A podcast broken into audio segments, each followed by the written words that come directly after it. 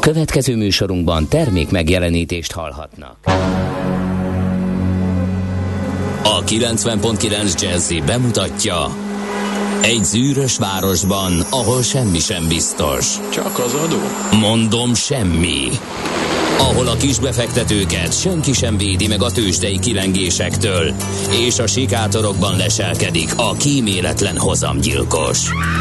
Csak négy férfi múlik a közbiztonsága. Hadnagy urak, merre vannak? A mindenre elszánt és korrumpálhatatlan alakulat vigyáz a rendre minden reggel. Hé, kik ezek az állati nyomozók? Négy férfi egyeset és egy nyalóka. Ács Gábor, Gede Balázs, Kántor Endre és Mihálovics András. Az íróasztal mögül pedig Profit kapitány diktálja a tempót. Humor, emberi sorsok, közönséges bűnözők és pénz, pénz, pénz. Egy különleges ügyosztály. A Gazdasági Muppet Show minden hétköznap reggel a 90.9 Jazzin. De is figyelj, ne csak a bárányok hallgassanak. De miért? Ha nincs pénzed azért, ha megvan, akkor pedig azért. Millás reggeli. Szólunk és védünk. Jó reggelt kívánunk mindenkinek, ez itt a Millás reggeli, mégpedig a 90.9 Jazzy Rádióban, és egy kicsit virtuális lesz a mai műsor, mert így hozta a sors, de itt van legalábbis most Gede Balázs. Igen, jó reggelt kívánok én is, és Kántor Endrét is hadd mutassam be. Ő ül a stúdióban, és ahogy említette, igen, kicsit megkavarodott itt az élet körülöttünk, úgyhogy ilyen Ilyen mozaik stáb leszünk mi, uh, innen-onnan összecsibegetünk megszólalókat. Most így az első fél órára én tudtam beugrani, de majd jön az Ács Gábor is, ha minden igaz. Jön az Ács Gábor is, uh, mert András uh, egy kicsit gyengélkedik, szüksége volt egy kis pihire, ő lett volna mai partnerem, de jobban teszi, ha most alszik és kipiheni magát, nehogy még rosszabbra forduljon. Úgyhogy egyébként pedig ti, hát te, neked aztán hálás köszönet Balázs, hiszen szabadság Magyarországról rángattalak be, éppen utazni készülsz, de az szerintem sikerülni fog azért. Hát ilyenek a jó barátok, jó kollégák, ugye ez most egy nagyon pekhésen összejött dolog, tényleg, hogy vagyunk négyen, egyikünk kidőlt, és hirtelen nincs beugró, mert tényleg én is, meg a Gábor is Szabi vagyunk, de én szerencsére még nem írtultam el, ugye én egy autós utazásra megyek, tehát meg tudtam tenni, hogy ezt a fél órát arrébb rakni. Nagyon jó, köszönöm szépen. Na, Nincs mit igazán, mondja... a hallgatókérés érted, Endre? Igen, így van. Tudod. Optimista madárcsicsergős jó reggelt, kartársak, szokásos időben, szokásos útvonalról jelentem, hogy ideális út és forgalmi viszonyok között lehet közlekedni Gödről Pestre minden szakaszon. A Szerencs utcai lámpát akár menetből is lehet még abszolválni, alig 21 perc a menetidő, mondja D. Kartás, úgyhogy tényleg az egy ilyen jó az egy ilyen jó 6-7 perccel rövidebb, mint amit szokott írni. Én azt vettem észre, hogy az M1 M7 bevezető szakasz, illetve az M7-esnek a agglomerációs szakasza az elég zsúfolt volt korán reggel, de hát ez lehet, hogy elmúlt már. Na, azt mondja, hogy jött még, jó reggelt, millásék, már Ács kollégának üzen a kedves hallgató. Jó, oh, na ja, hát akkor hát az majd... A, van, igen, igen, péntek igen, van, úgyhogy igen. igen. És akkor volt még egy másik, azt mondja, hogy a ma reggeli közlekedésben a belvárosi Rigó füty eléggé eklektikusan hat, írja Gézu. Igen, ma reggel nagyon-nagyon-nagyon uh, intenzív uh, Rigó szerenád volt, ezt én is észrevettem. Igen, meg mindenféle, szépen. mert ha már felkeltem, ilyen jó korán kihúztam a kukát is, mert majd jönnek a köztisztaságiak, és akkor hallottam a madárcsicsergést, és örültem, hogy egész komoly, ilyen tavaszi. Azt mondja, na, van, jól kezdődik. Gyerünk, essetek egymásnak. A nép vért akar. hát az most nem lesz. Hát pont most tudok, hogy a baráti összefogással ilyenkor nem, ilyenkor, bajtársunk igen problémáját. Ha gond van, akkor szorosabbra zárunk. Összezárunk, így is, így most van. nem lesz vég. A legvidámabb barak. Azért elmondom, tegnap volt egy jó kis szavazásunk a Viber közösségünkben, aki nem csatlakozott még, ezt tegye meg, mert jópofa kérdéseket teszünk fel, meg ott is lehet velünk kontaktálni, hogy ugye beszélgettünk Ács Gáborral még szerdán, egy kicsit morogtunk a hazai eper áráról, és hát ugye a Szed magad mozgalomban is már 3000 forint fölötti kilós árakat lehet látni, de 3005 az simán található, és nem ritka a kiskereskedelemben még az 5000 forintos kilogrammonkénti ár sem. Közben ugye a görög epret ennek feléért, a spanyol epret pedig akár negyedéért is lehet kapni. Kérdeztem a hallgatókat, hogy ők mennyit hajlandóak fizetni az eperért, és 17% válaszolta azt, hogy megfizetem a hazait, nekem csak az kell, ha ennyi, hát ennyi. 46% mondta azt, hogy drágább, mint a marha lábszár, akkor marad az import. Illetve 36% mondta, hogy importot nem eszik, hazait pedig ennyiért nem vesz, inkább más gyümölcsökre tér át, amire tud szed málnát, szedret, ribiszkét 36 százalék. Úgyhogy elég markáns az a vélemény, hogy ez már azért kiütötte a biztosítékot. Igen, az a baj, hogy itt ez a helyettesíthetőség, ugye ez nem csak árkérdés, tehát persze meg lehet venni az olcsóbb importot, csak az a baj, hogy az egy akkora lutri, tehát ott szerintem 10-ből 8-szor belenyúlsz valami vízízű, sejízű valamibe, igen, hogy... ezt főleg a spanyolnál mondják egyébként, Igen. és érdekes árkülönbség van a görög import, és ha megnézed a nagybaninak az oldalát, azt is böngészgettem, a görög és a spanyol, ugye, és különböző minőségi kategóriákba sorolják, az teljesen más kategóriában van.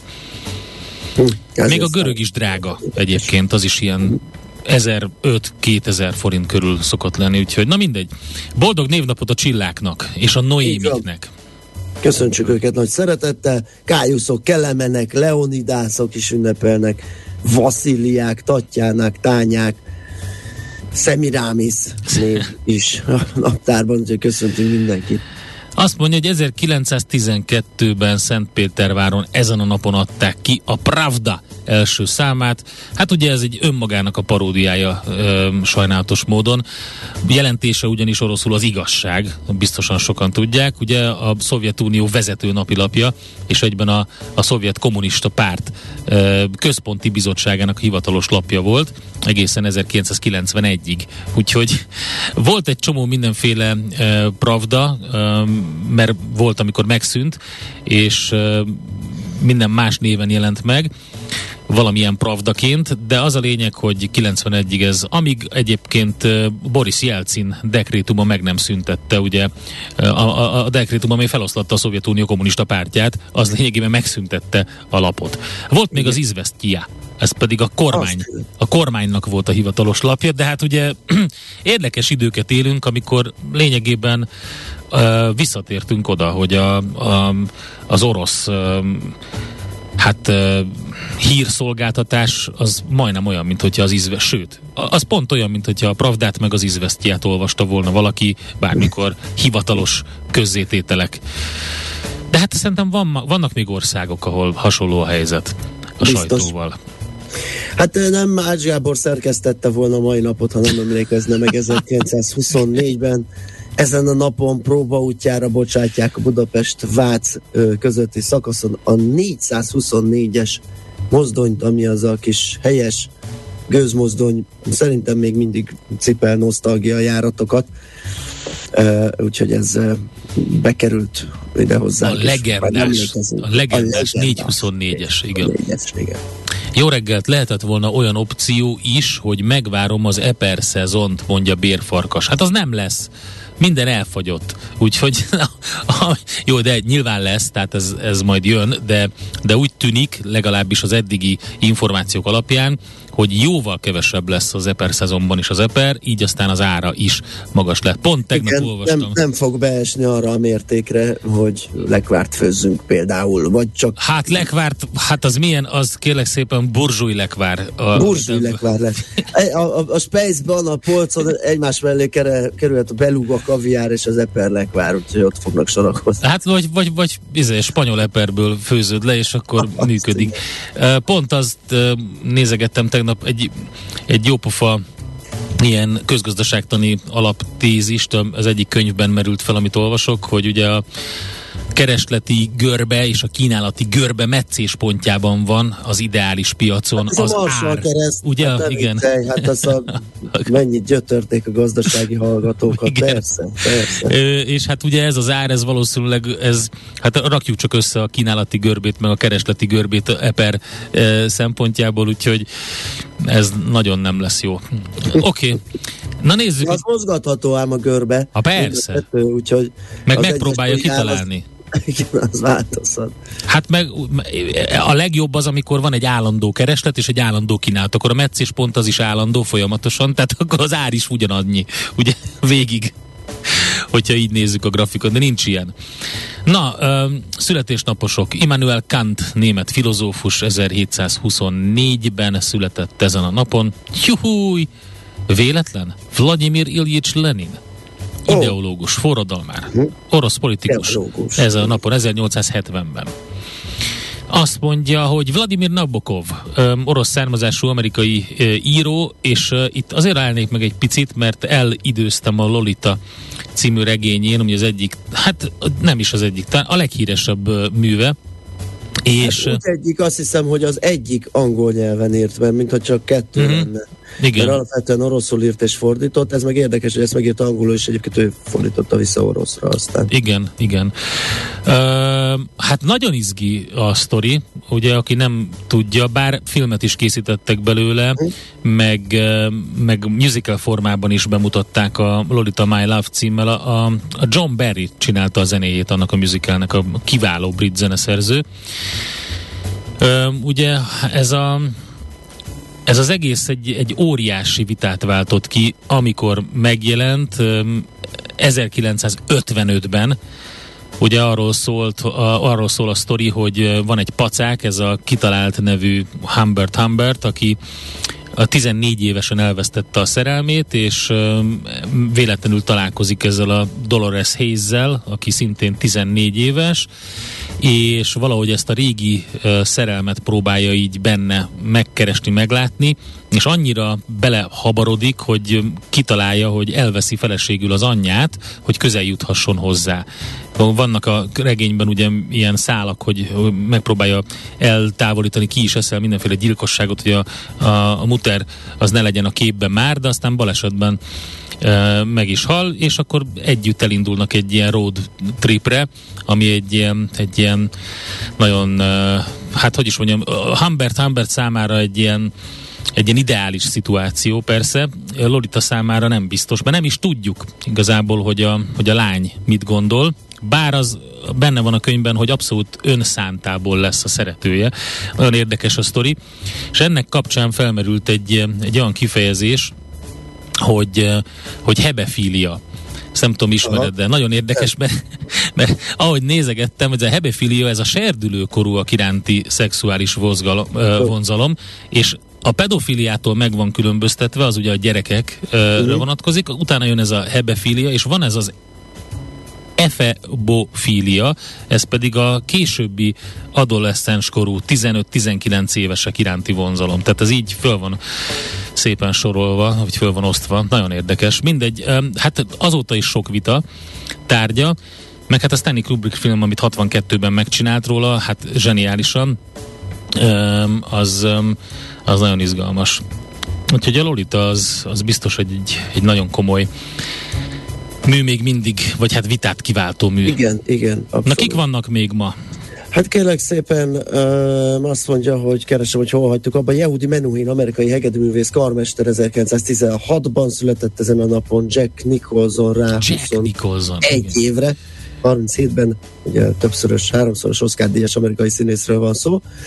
És Steve Fossett, amerikai pilóta, 44-ben született, ugye ő tengerész, kalandvadász, milliomos, így mm, titulálták mindig, ugye a pénzügyi szektorból meggazdagodva mindenféle rekordbeállítások, repülések jellemezték a nevét, míg nem egyszer csak. Hát ö, 2000, ugye puskázok, ö, 2007. szeptember 3-án ugye eltűnt egy egyszemélyes repülő fedélzetén a Nevada, Nevada sivatag fölött, és abba kellett hagyni a kutatást, és csak egy évvel később találták meg a lezuhant repülőgép ö, roncsait, meg az ő maradványait, és valószínűsíthetően a kiszámíthatatlan széljárás miatt valamiféle sziklának csapódhatott, vagy így történhetett, hogy lezuhan. 1954-ben Kálmán C. György, Magyar Egyetemi Tanár, irodalomtörténész született, és Donald Tusk, lengyel politikus 1957-ben. Na hát jó kis csokrot gyűjtöttünk össze. Igen. Azt mondja, hogy ismerősöm most van az Azori szigeteken. 5 euró az eper kilója, írja Zsolt. Hát Sú, ez többszörös, ö, többszörösen súlyosbított helyzet az Azori uh, szigeteken. 5 eurós. 5 euróért epret majd szólni. Köszönjük szépen, ez pont nem hiányzott most így kora reggel. Na jó, jöjjön az első muzsika, aztán megnézzük, hogy van-e valami érdekes alapokban. Nézz is! Ne csak hallgass! millásreggeli.hu Na nézzük akkor, hogy mit találtunk alapokban. Igen, van egy kis sípolás valóban, a kedves hallgató éles füle kiszúrta ezt. A, Én sípolok? Igen, kicsit, de nem te, hanem egyszerűen a vonallal van valami probléma, ami a virtuális stúdiónkba beadtunk, hogy nem tudjuk megoldani. Sajnos, úgyhogy ezt nézzétek el, egy ideig most egy pici sípolást lehet hallani, de semmi gond.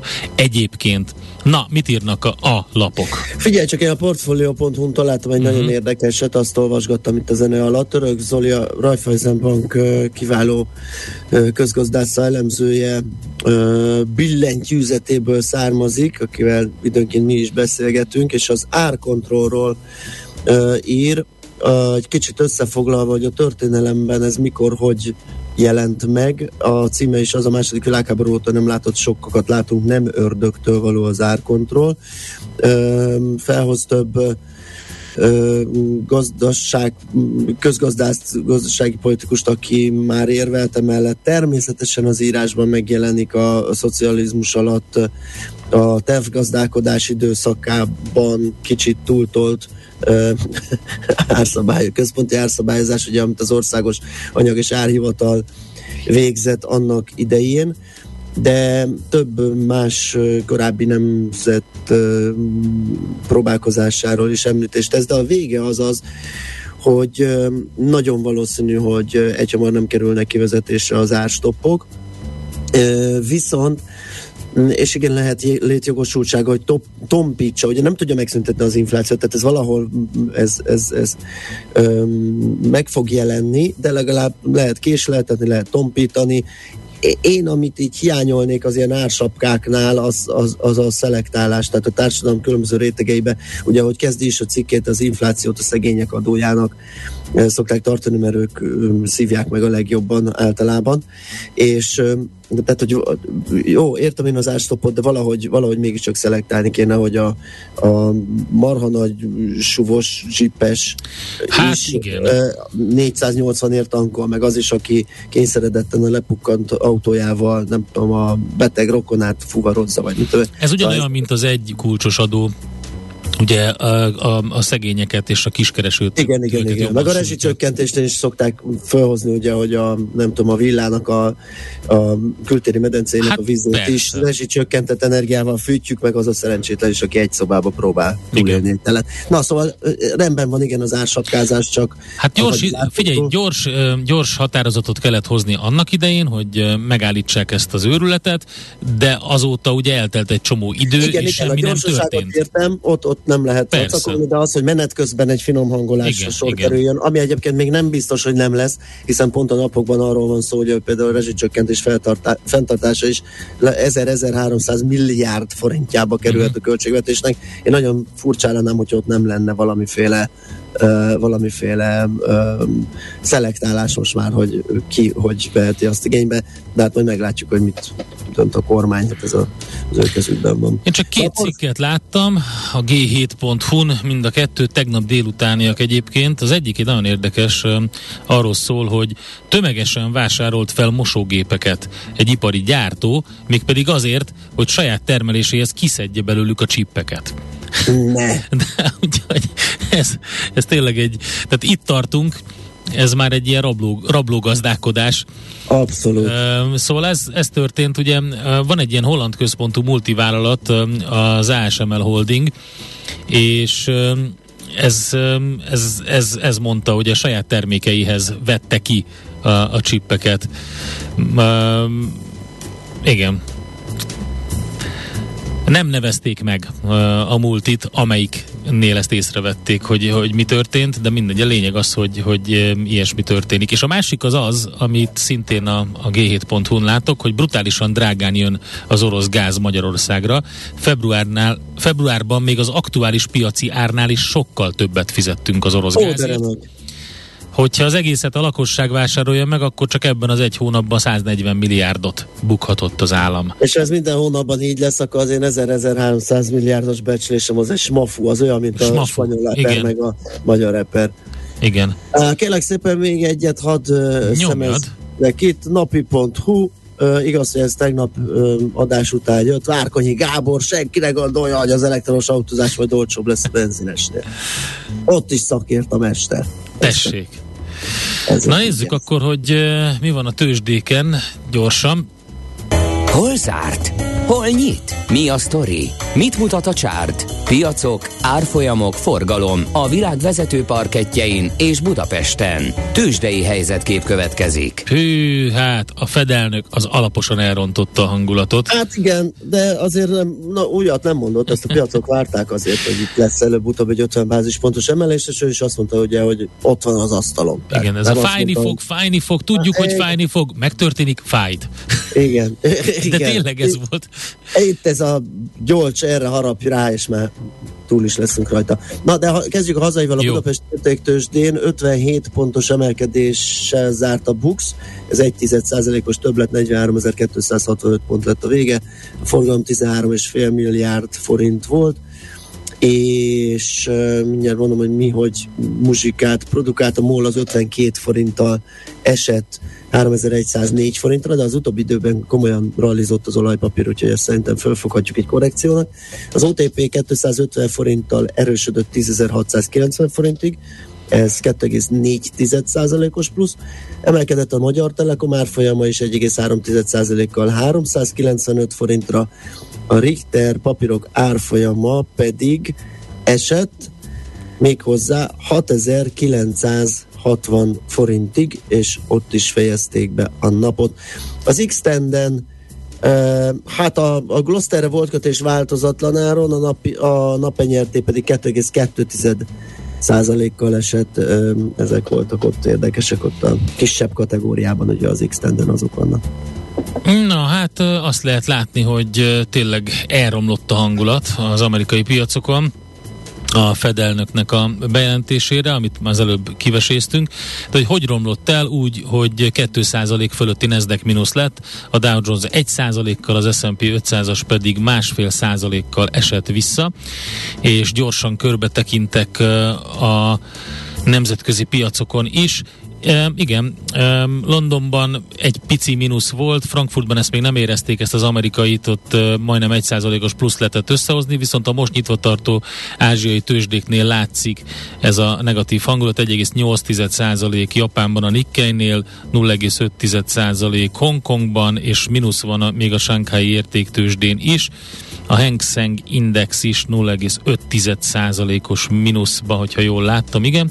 És hát a legnagyobb vesztesek, nyertesek listáját nézegetve azt lehet látni, hogy az AT&T vezeti a sort a pluszosoknál 4% fölött, a Delta Airlines 2,7 százalékos pluszban van, a Southwest Airlines 2,2%, a Philip Morris majdnem 2 százalékos pluszban, negatív oldalon pedig azt mondja, hogy Quanta Services például 9 százalékos mínuszban, azt mondja, még mit lehet kiemelni, Mosaic Company, az is 9,4 és majdnem 10 százalékos mínuszban Freeport McRonan. E, úgyhogy igen. A Twittert nézegettem, de ott ilyen ja. számottevő plusz nem volt, most csak egy pici, 0,7 százalék, 47 dolláron, ugye ott megy az adok-kapok a, azzal kapcsolatban, hogy mi lesz most, sikerül-e ez a ellenséges felvásárlás, vagy működik a méregpirula, amit az igazgató tanács vezet be Elon Musk ellen, de közben Elon Musk meg tudja nekik ad, adagolni a árcsökkentő tényezőket ö, Twitteren, a tweetjeiben, úgyhogy tényleg érdekes dolog, hogy a saját felületüket tudja felhasználni ellenük, úgyhogy volatilis mozgások várhatók továbbra is a Twitternél. Tőzsdei helyzetkép hangzott el a Millás reggeliben. Na jó van, Balázs, akkor én elengedlek utadra. Nagyszerű, köszönöm szépen, nagyon örültem, hogy itt Én lehet. is örültem, és köszönöm szépen, hogy ezt a hajnali órát, ezt így fél órát így sikerült így együtt átvészelni, aztán megyünk tovább. Rengeteg minden jön. Neked akkor jó utat, jó pihenést a Köszönöm hétvégére. szépen neked további jó műsorvezetést a kedves hallgatóknak, jó szórakozást, jó hétvégét, sziasztok! Gede Balázs éppen szabadságról mentette meg a helyzetet itt a Millás reggeliben. Mi majd megyünk tovább ö, Schmidt-Andi híreivel, aztán utána pedig arról fogunk beszélgetni Halász Áronnal, a Magyar Kerékpáros Klub elnökségi tagjával, hogy újra nagy biciklis felvonulás lesz holnap Budapesten, mégpedig komoly célokkal az iBike Budapest a fő témánk, tehát a következő blokkban. Aztán jön az is, hogy a, az ingatlan szektorban kifizeti majd meg a fenntarthatóság árát, mert hogy a magyar építőipari vállalatok elkötelezettnek mutatkoznak a különböző fenntarthatósági szempontok érvényesítési mellett, és hát ugye a helyzet az nem olyan egyszerű, hogy elkötelezettek és tök jó, meg a vásárolnak is, de azért van itt finanszírozási oldal, bankok, befektetők, zöld kötvénykibocsátók, szóval a KPMG ingatlan tanácsadásért felelős vezetőjével Danos Pállal beszélünk majd erről, és értékpercek rovatunkban pedig az OTP Global Markets részvénykereskedője Prigl Máté foglalja össze hogy mi az, amivel a héten e, érdemes volt foglalkozni, e, melyek azok a trendek, hatások, döntések, amik befolyásolják a kereskedést. A következő blokkunk tehát ez, és természetesen van egy vicces szavazásunk a Viber csoportunkban, ahol én úgy látom, hogy optimista pénteket tartanak a hallgatók, és az igen válasz az, ami 74%-ban vezet. Műsorunkban termék megjelenítést hallhattak. Nézd a Millás reggeli adásait élőben a millásreggeli.hu oldalon. Millás, Millás reggeli, a vizuális rádió műsor. A reggeli rohanásban könnyű szemtől szembe kerülni egy túl szépnek tűnő ajánlattal. Az eredmény krétával körberajzolt tetemes összeg. A tethelyen a gazdasági helyszínelők, a ravasz, az agy és két füles csésze és fejvállalakzat. A lehetetlen küldetés megfejteni a Fibonacci kódot. A jutalom egy bögre rossz kávé és egy olyan hozamgörbe, amilyet még Alonso Mosley sem látott. Millás reggeli, a 90.9 Jazzy Rádió gazdasági mapetsója. Vigyázat! Van rá engedélyünk! A Millás reggeli fő támogatója a Superautomobil KFT, a Schiller Autó család Lexus Pest márka kereskedése Újpesten. Schiller Autó család. Autók szeretettel. Jó reggelt kívánunk mindenkinek! Ez továbbra is a Millás reggel itt a 90.9 Jazzy Rádióban, mégpedig Kántor Endrével jelen pillanatban, de majd mozaikszerűen csatlakoznak a stábból még, Ács Gábor többek között, e, és e, Miálovics András pedig e, pihenget otthon, mert hogy e, hideglelése van. De lényeg a lényeg, hogy itt vagyunk 0630 20 10 909 Viber, SMS, WhatsApp, és azt mondja a kedves hallgatónk, Máté, hogy, vagy Z, Z névre hallgat, hogy ő is ráér egy fél órára, ha van még szabad hely, és nincs jobb, akkor beugorhat. Ugyan sejpitek és hadarok is, de bármely témában szakértően hallgatok. Nagy, nagyon szépen köszönjük az információt. És Barbie mondja, hogy a zene is nagyon jó, de az együttes neve mindent visz. Ez nem a Mighty Mokambozra szólt ez a dolog, mert az korábban e, írta még Barbie. A Mighty Mokamboz volt az előbb a Beverly Hills témának a feldolgozásával. Korábban a Pigeons Playing Ping Pong legújabb felvétele, a Move Like That szólt, és Anna, arra jött ez az üzenet. De lehet üzenni nekünk Messenger alkalmazásban is, többek között utazási információkat és közlekedési infókat küldeni. Budapest legfrissebb közlekedési hírei, itt a 90.9 jazz Balesetet jelentettek a kettes úton Dunakeszinél, a 17-es kilométernél, és a csökkenő, a kilométer szelvény szerinti csökkenő irányban, tehát a bal oldalon Budapest felé van ez a baleset, illetve a Váci úton, a Károly István utca előtt a külső sávban, ott lassult az előrejutást, ez befele van, aztán Csepperen a Kossuth Lajos utcában, a Béla utcánál, és a Döbrentei téren, az Erzsébet híd előtt, a Krisztina körút felől érkezők készüljenek sávlezárásra, tehát ott van gond. A Kerepesi Kossuth Lajos hasít írja a bankdíler, és korábban írt a kedves hallgatónk, hogy nem tudja mi van, de hogy a gazdag rétitől a nagyszőlősig ötösbe jött végig, és már a Nagyvárad téren van, nem is érti, arra fele jól lehet közlekedni. Budapest, Budapest, te csodás! Hírek, információk, érdekességek, események Budapestről és környékéről. Na hát iBike Budapest felvonulásról fogunk beszélgetni, holnap jön a nagy biciklis felvonulás, elég komoly célokkal, Halász Áron, a Magyar Kerékpáros Klub elnökségi tagja van a vonalban, szervusz, jó reggelt! Sziasztok, Na, hát képzeld el, már a BKK infón is látom, hogy a kiemelt hírek között szerepel a kerékpáros felvonulás, és emiatt ugye az időszakos és szakaszos lezárások. Sok mindenkinek ez jut eszébe a biciklis felvonulásról, a másik oldalon, aki a nyerekbe szeret lenni, annak meg az, hogy mennyire hiányzik neki, például egy kedves hallgatónk írta, aki már külföldön él, hogy ez az, ami nagyon hiányzik Budapestről. A Critical Mass, az iBike Budapest, meg Áron és a csapat.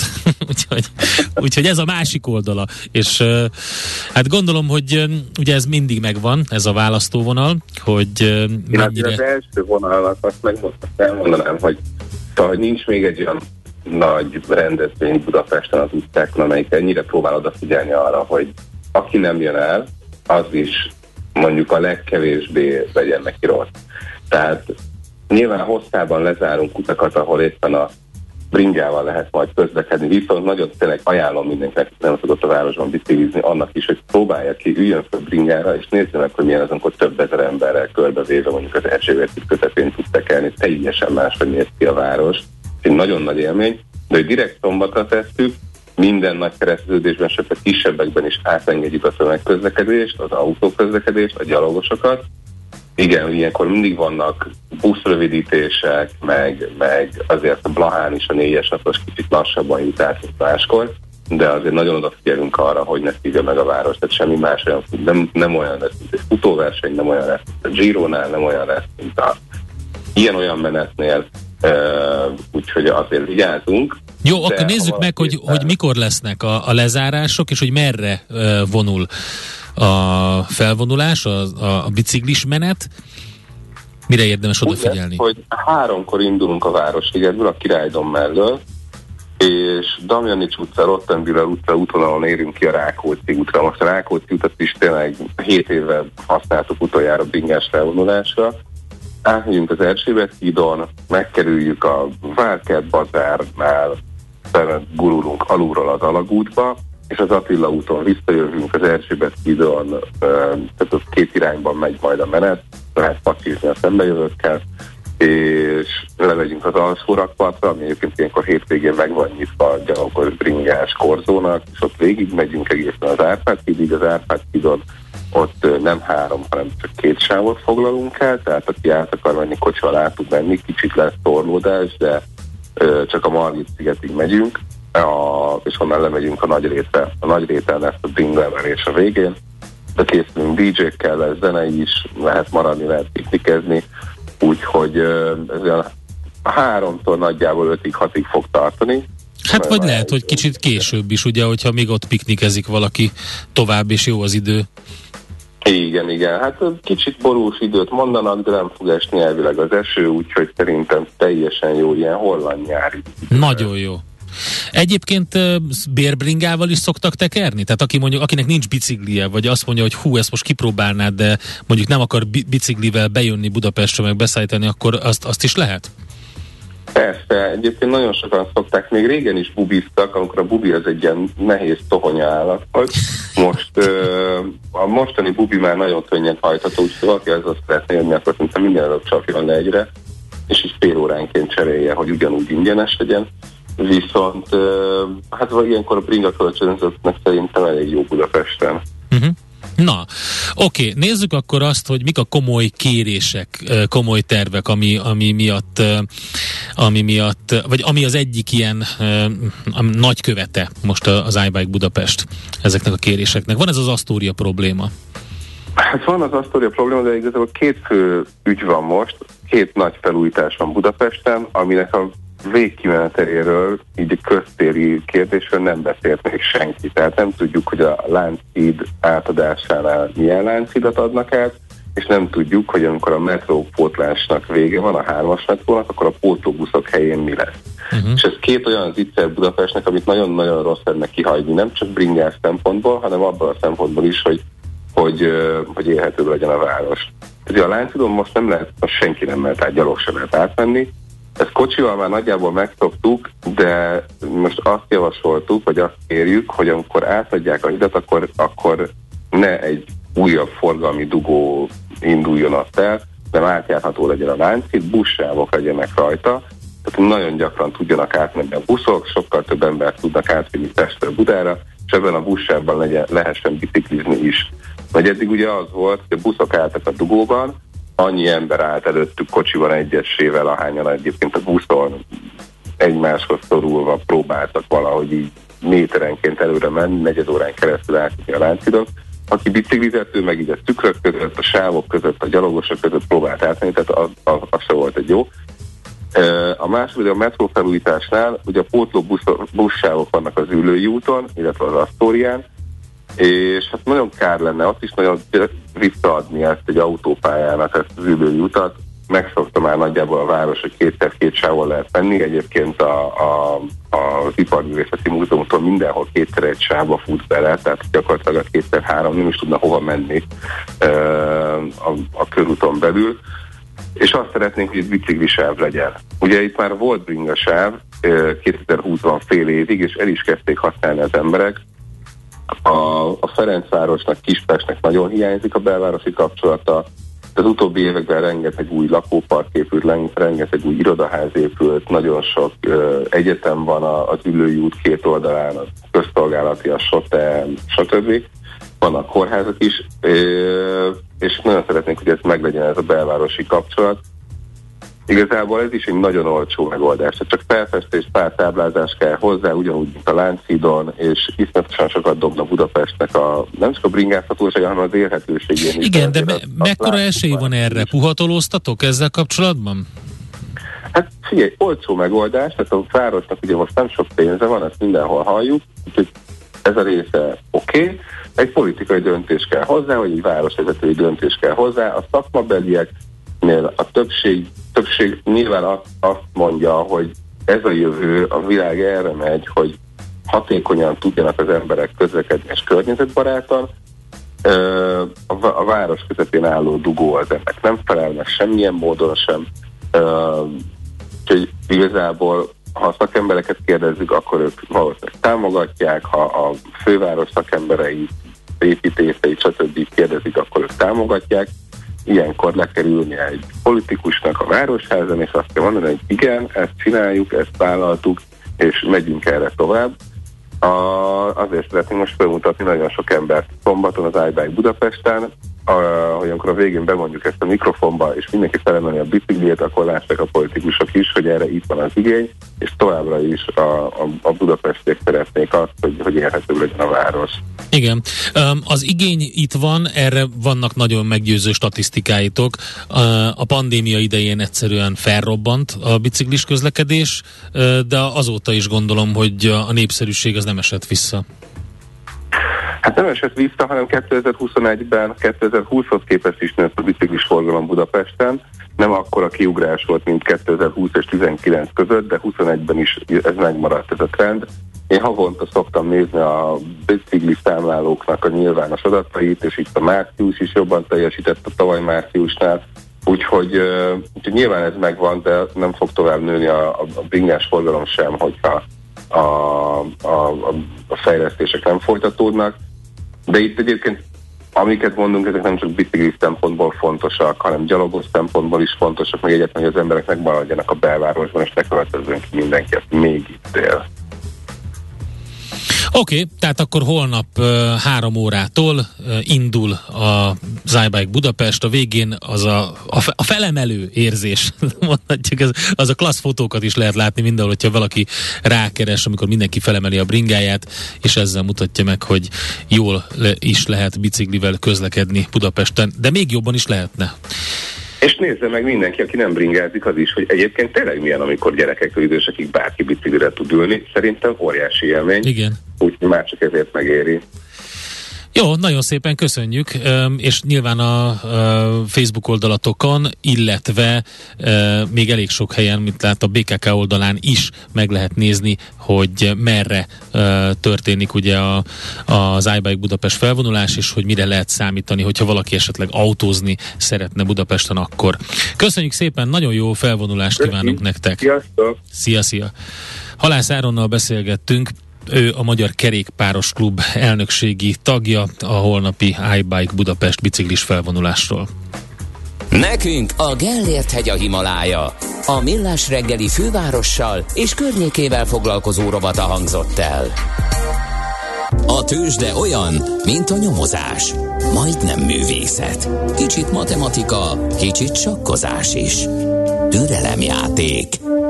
Millás reggeli. A Millás reggeli szakmai együttműködő partnere az EMAG webshop áruházak és marketplace üzemeltetője, az Extreme Digital EMAG Kft. Mielőtt tovább megyünk, és arról beszélgetünk majd, hogy kifizeti meg a fenntarthatóság árát az ingatlan szektorban. Egy pár reakció, meg közlekedési info. Köszönjük szépen a hallgatónak, aki beírta, hogy Újpesten a városközpontnál a Váci, úton, a Váci út felé baleset van. Egy sáv lezárva, mentő rendőrség kint van. Igen, sajnos ez, ezt az előbb olvastam be, illetve a Döbrentei téren az Erzsébet híd előtt van baleset, a Krisztina körút felől érkezők készüljenek sávlezárásra szintén, és a negyedik kerület Árpád úton van baleset, ugye ez a Váci út felé, az István út előtt a külső sávban, illetve volt még egy másik információ is, azt majd megtalálom később. Na, ha jöttek kommentek a biciklis felvonulással kapcsolatban, azt mondja, hogy tiltsuk már ki egész Budapest területéről az autókat, és akkor nem lesz ki tovább szivatni. Lánchídon buszsáv, azt tudja az úr, hogy hogy az a híd csak egy-egy forgalmi sávos. Tehát buszsáv esetén oda nem mehet be más nem zárják le az iBike-osok annyira a várost, mint a futóversenyek. Hát az útvonalat meghallgatva, de szeretek kerékpározni, de azért mindennek van határa. Fentieket tudom, hogy nem olvassátok be.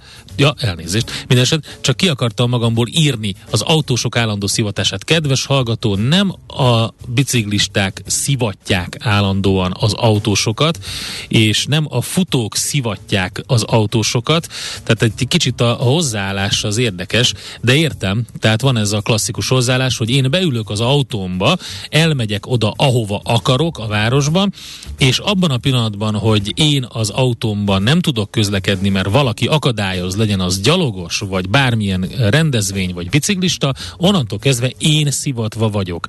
Ezért ez egy kicsit furcsa, főleg a, a, hogyha egy élhető várost szeretnénk teremteni, és nem pedig azt szeretnénk megteremteni, hogy mindenki egyedül ülve az autójában, meg megpróbáljon közlekedni. De azért abban is érdemes belegondolni, hogy hány, mennyivel több autó van, és, és mennyire nem érdemes egyébként Budapesten autóval közlekedni. Van egy csomó közlekedési lehetőség, lehet azt érdemes ennek kihasználni. Na, azt mondja, hogy volt egy másik közlekedési üzenet, de azt nem találom, de majd meg fogom találni. Minden esetre most jön Schmidt Andi friss hírekkel és információkkal, utána pedig egy picit az ingatlan szektor és fenntarthatósági szempontokat, fenntarthatóság árát fogjuk vizsgálni. Hogy mi tartja bennünk a lelket? A remény. Millás reggeli. Na hát, kifizeti meg a fenntarthatóság árát az ingatlan szektorban, ez a kérdés. Ugye a magyar építőipari vállalatok eléggé elkötelezettnek mutatkoznak a fenntarthatósági szempontok érvényesítése mellett, és hát ugye erre ösztönzést is kapnak a finanszírozási oldalon a bankok és a befektetőktől. Közben van zöld kibocsátás, illetve több is van, ezeknek a száma és értéke ugrásszerűen emelkedik. Látszólag tehát sinem vagyunk a fenntarthatósági építkezéssel, ingatlan, ingatlan létesítéssel, de nem ilyen egyszerű a helyzet. Éppen ezt fogjuk megbeszélni Dános Pállal, a KPMG ingatlan tanácsadásért felelős vezetőjével. Jó reggelt kívánunk! Jó reggelt kívánok! Um, hát ugye az a kérdés, hogy ki fizeti meg ennek az árát. El, elsőre úgy tűnik, hogy a, a vásárlók fizetik meg a, a, az árat, de ez nem biztos. Hát nem szeretnék nagyon profán lenni, de bármi történik, mi fizetjük meg az árát. Föltehetnéd azt a kérdést, kifizeti meg az árát annak, ha nem csinálunk semmit a környezetre, mi mindannyian fizetünk. Tehát azért ebből a felelősségből nem lehet kibújni. De valójában az történik, hogy az, ezeket a többletköltségeket, amiket a fejlesztőknek mindenképpen fedeznie kell ahhoz, hogy ezeket a jó színvonalú épületeket előállítsák, ezt valahogy a piacra kell terhelniük. És végül is a piacnak föl kell ismernie azt, hogy a saját érdeke az, hogy jó minőségű épületben, jó minőségű irodában dolgozzon. Igen, stimmel, a... és szerintem fel is ismeri legalábbis akkor majd, amikor a drasztikus állapotban lévő hazai ingatlan állományon megmutatkoznak az első komoly repedések. Igen, de azért a, a, a kérdés nem, nem, ennyire, nem ennyire egyszerű. De az ESG-ről beszélünk végül is ebben a, ebben a, a beszélgetésben, és az ESG az egy kicsit komplexebb megközelítés. Tehát, hogyha onnan nézzük, hogy a irodákban hogyan használják az irodákat, milyen cégek dolgoznak az irodákban. Most egy cég, hogyha saját magát is el akarja helyezni ezen a palettán, mint egy ESG, megfelelő ESG stratégiával rendelkező cég, akkor az ő eminens érdeke az, hogy olyan épületben dolgozol, olyan ingatlant használjon, aminek már van zöld minősítése. Tehát ez egy, egy felhasználói motiváció ahhoz, hogy ők hajlandó legyen esetleg magasabb életi díjat fizetni egy olyan épületért, ami ezeknek a kívánalmaknak megfelel. Igen, és hogyha már az ESG-ről van szó, ugye ez a környezeti, társadalmi, vállalatirányítási szempontok. Igen. Egyre fontosabb a befektetők számára, egyre fontosabb az ügyfelek számára. Tehát előbb-utóbb meg fogják nézni például egy, egy társaságnál, hogy neki milyen irodaházai vannak, és ez is bekerül a, a portfóliójába, ronthat vagy javíthat az ESG osztályozásán. Így van. Az az érdekes az ESG-ben, hogy azért az ESG nem teljesen egy hókusz-pókusz, azért en, en sokkal több. Azért végül is ez a, egy józan ész vezérelte komplex szem, szemlélet. Tehát tényleg nem mindegy, hogy egy ingatlan fejlesztő, vagy egy nagy ingatlan portfólióval rendelkező ö, alap például, milyen ingatlanokat tart, mi van a portfóliójában, de az sem mindegy, hogy ő maga az egész gazdasági tevékenységét mennyire ESG kompatibilis módon végzi. Tehát ez nagyon érdekes, hogy az előbb említettem, hogy, hogy feltételezzük, hogy egy zöld minősítésű irodaházban dolgozik egy társaság, egy cég bérlőként, akinek fontos, hogy ő maga ESG minősítéssel rendelkezzen, de ugyanakkor az épületet előállító fejlesztő, vagy az épületet tulajdonoló cégnek is fontos, hogy ő maga is saját működésében ESG minősített legyen. Tehát azért két oldalról érkezik egyfajta e, ilyen, ilyen nyomás. Persze a piac egy, egy, egy kicsikét rugalmatlanabb. Most én nem szeretnék itt olyan tanulmányokat meg bemutatni, ami még gyakorlatilag nincs teljesen földolgozott, de, de mi készítettünk egy felmérést, azt majd egy következő adásban szívesen elmondom, ami arról szólt, hogy megkérdeztük a bérlőket, hogy ők hogy látják ezt a kérdést, és, és hajlandók lennének-e ezt béleti dírban elismerni ezeket a, uh-huh. a többletköltségeket. Érdekes volt, mert a, a választoknak a elsőprő többsége azt mondta, hogy igen.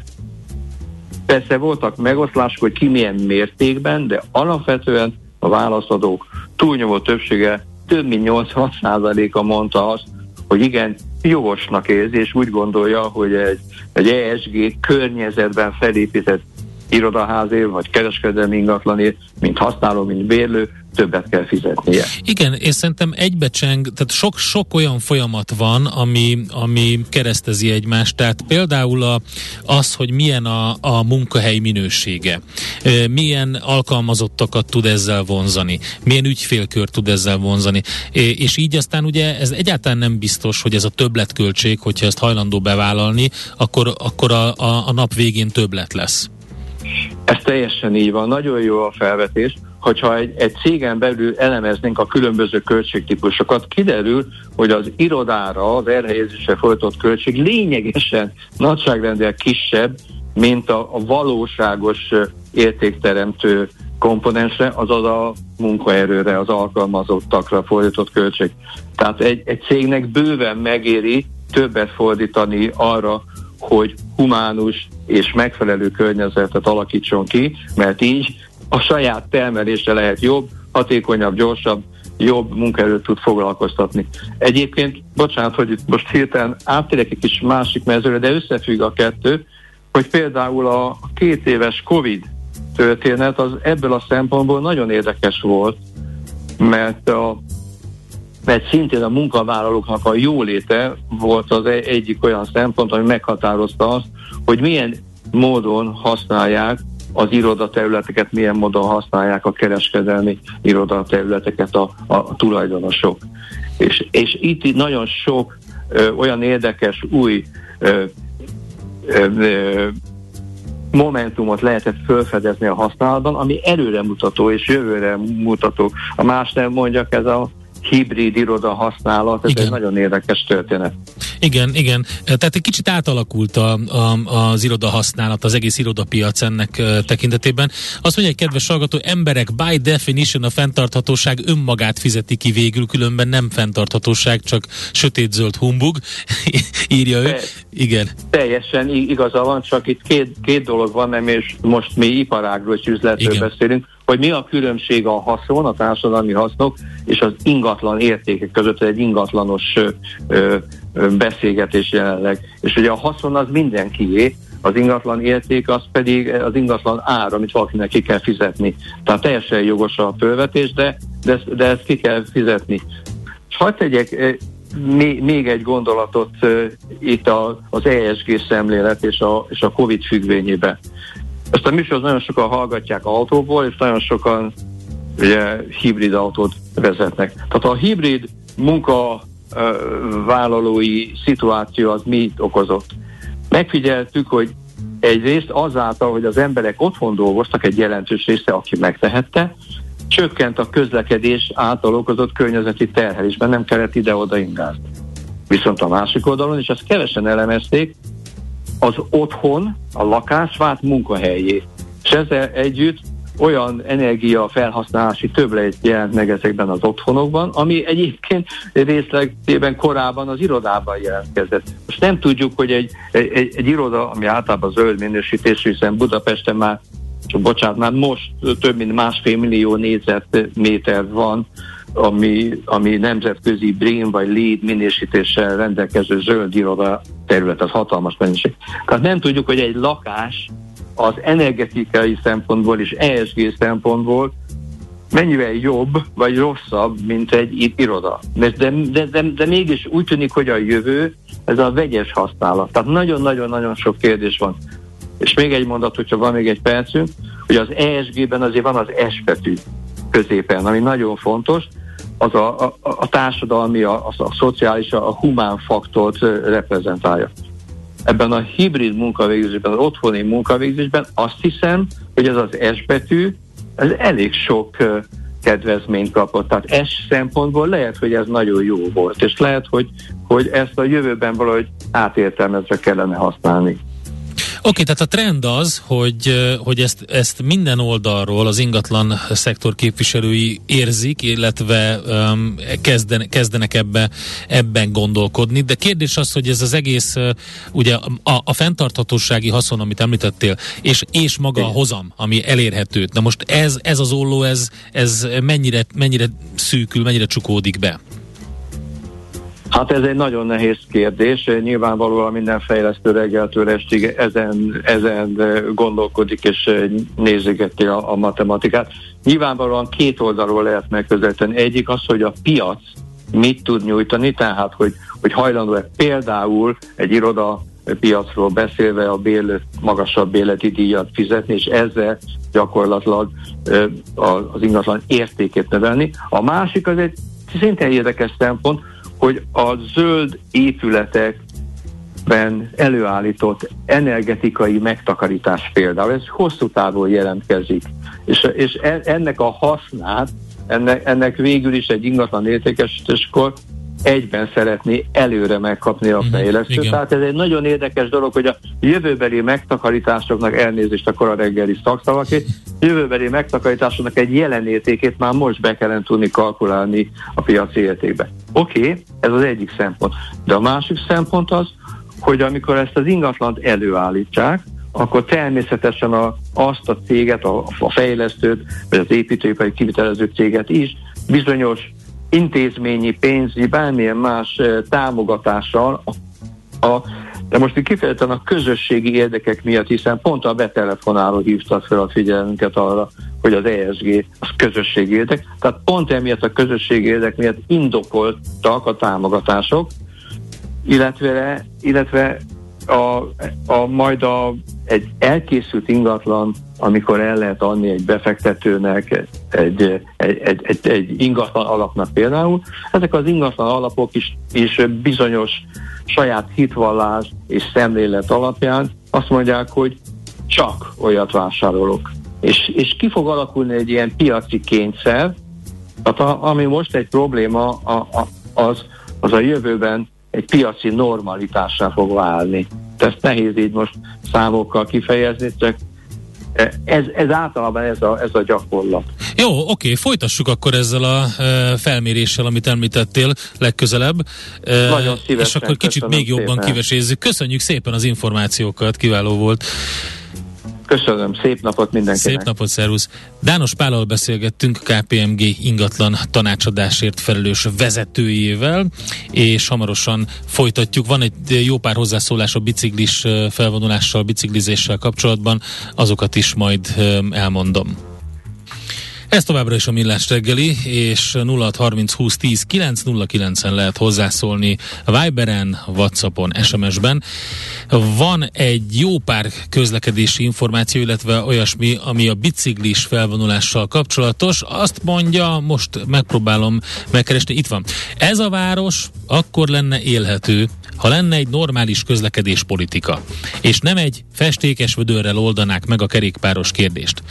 De Gergely már így is szétszivatta az autósokat. De látom, a nem tetsző véleményeket nem olvassátok be, írja Árpi. Ezt akkor írta Árpi, pont, amikor beolvastunk egy nem tetsző véleményt. Úgyhogy ez nem jött be, de azért uh, folytatom. Azt mondja, hogy um, Engem nem zavar, hogyha valaki biciklizik. Nekem is van több bringás ismerősöm. Ők is ugyanolyan emberek, mint mi de mindenki csinálja otthon a négy fal között. Köszönjük szépen az értékes hozzászólást. De Elmondom azt is, hogy jó reggelt, aki egyszerre használ biciklit és autót Budapesten közlekedésre, és nem hobbistaként, az tudja, hogy az autósovinisztákat nem lehet meggyőzni, és ragaszkodnak ahhoz az elfhez, hogy nekik joguk van akadályoztatás nélkül még klotyóra is autóval menni.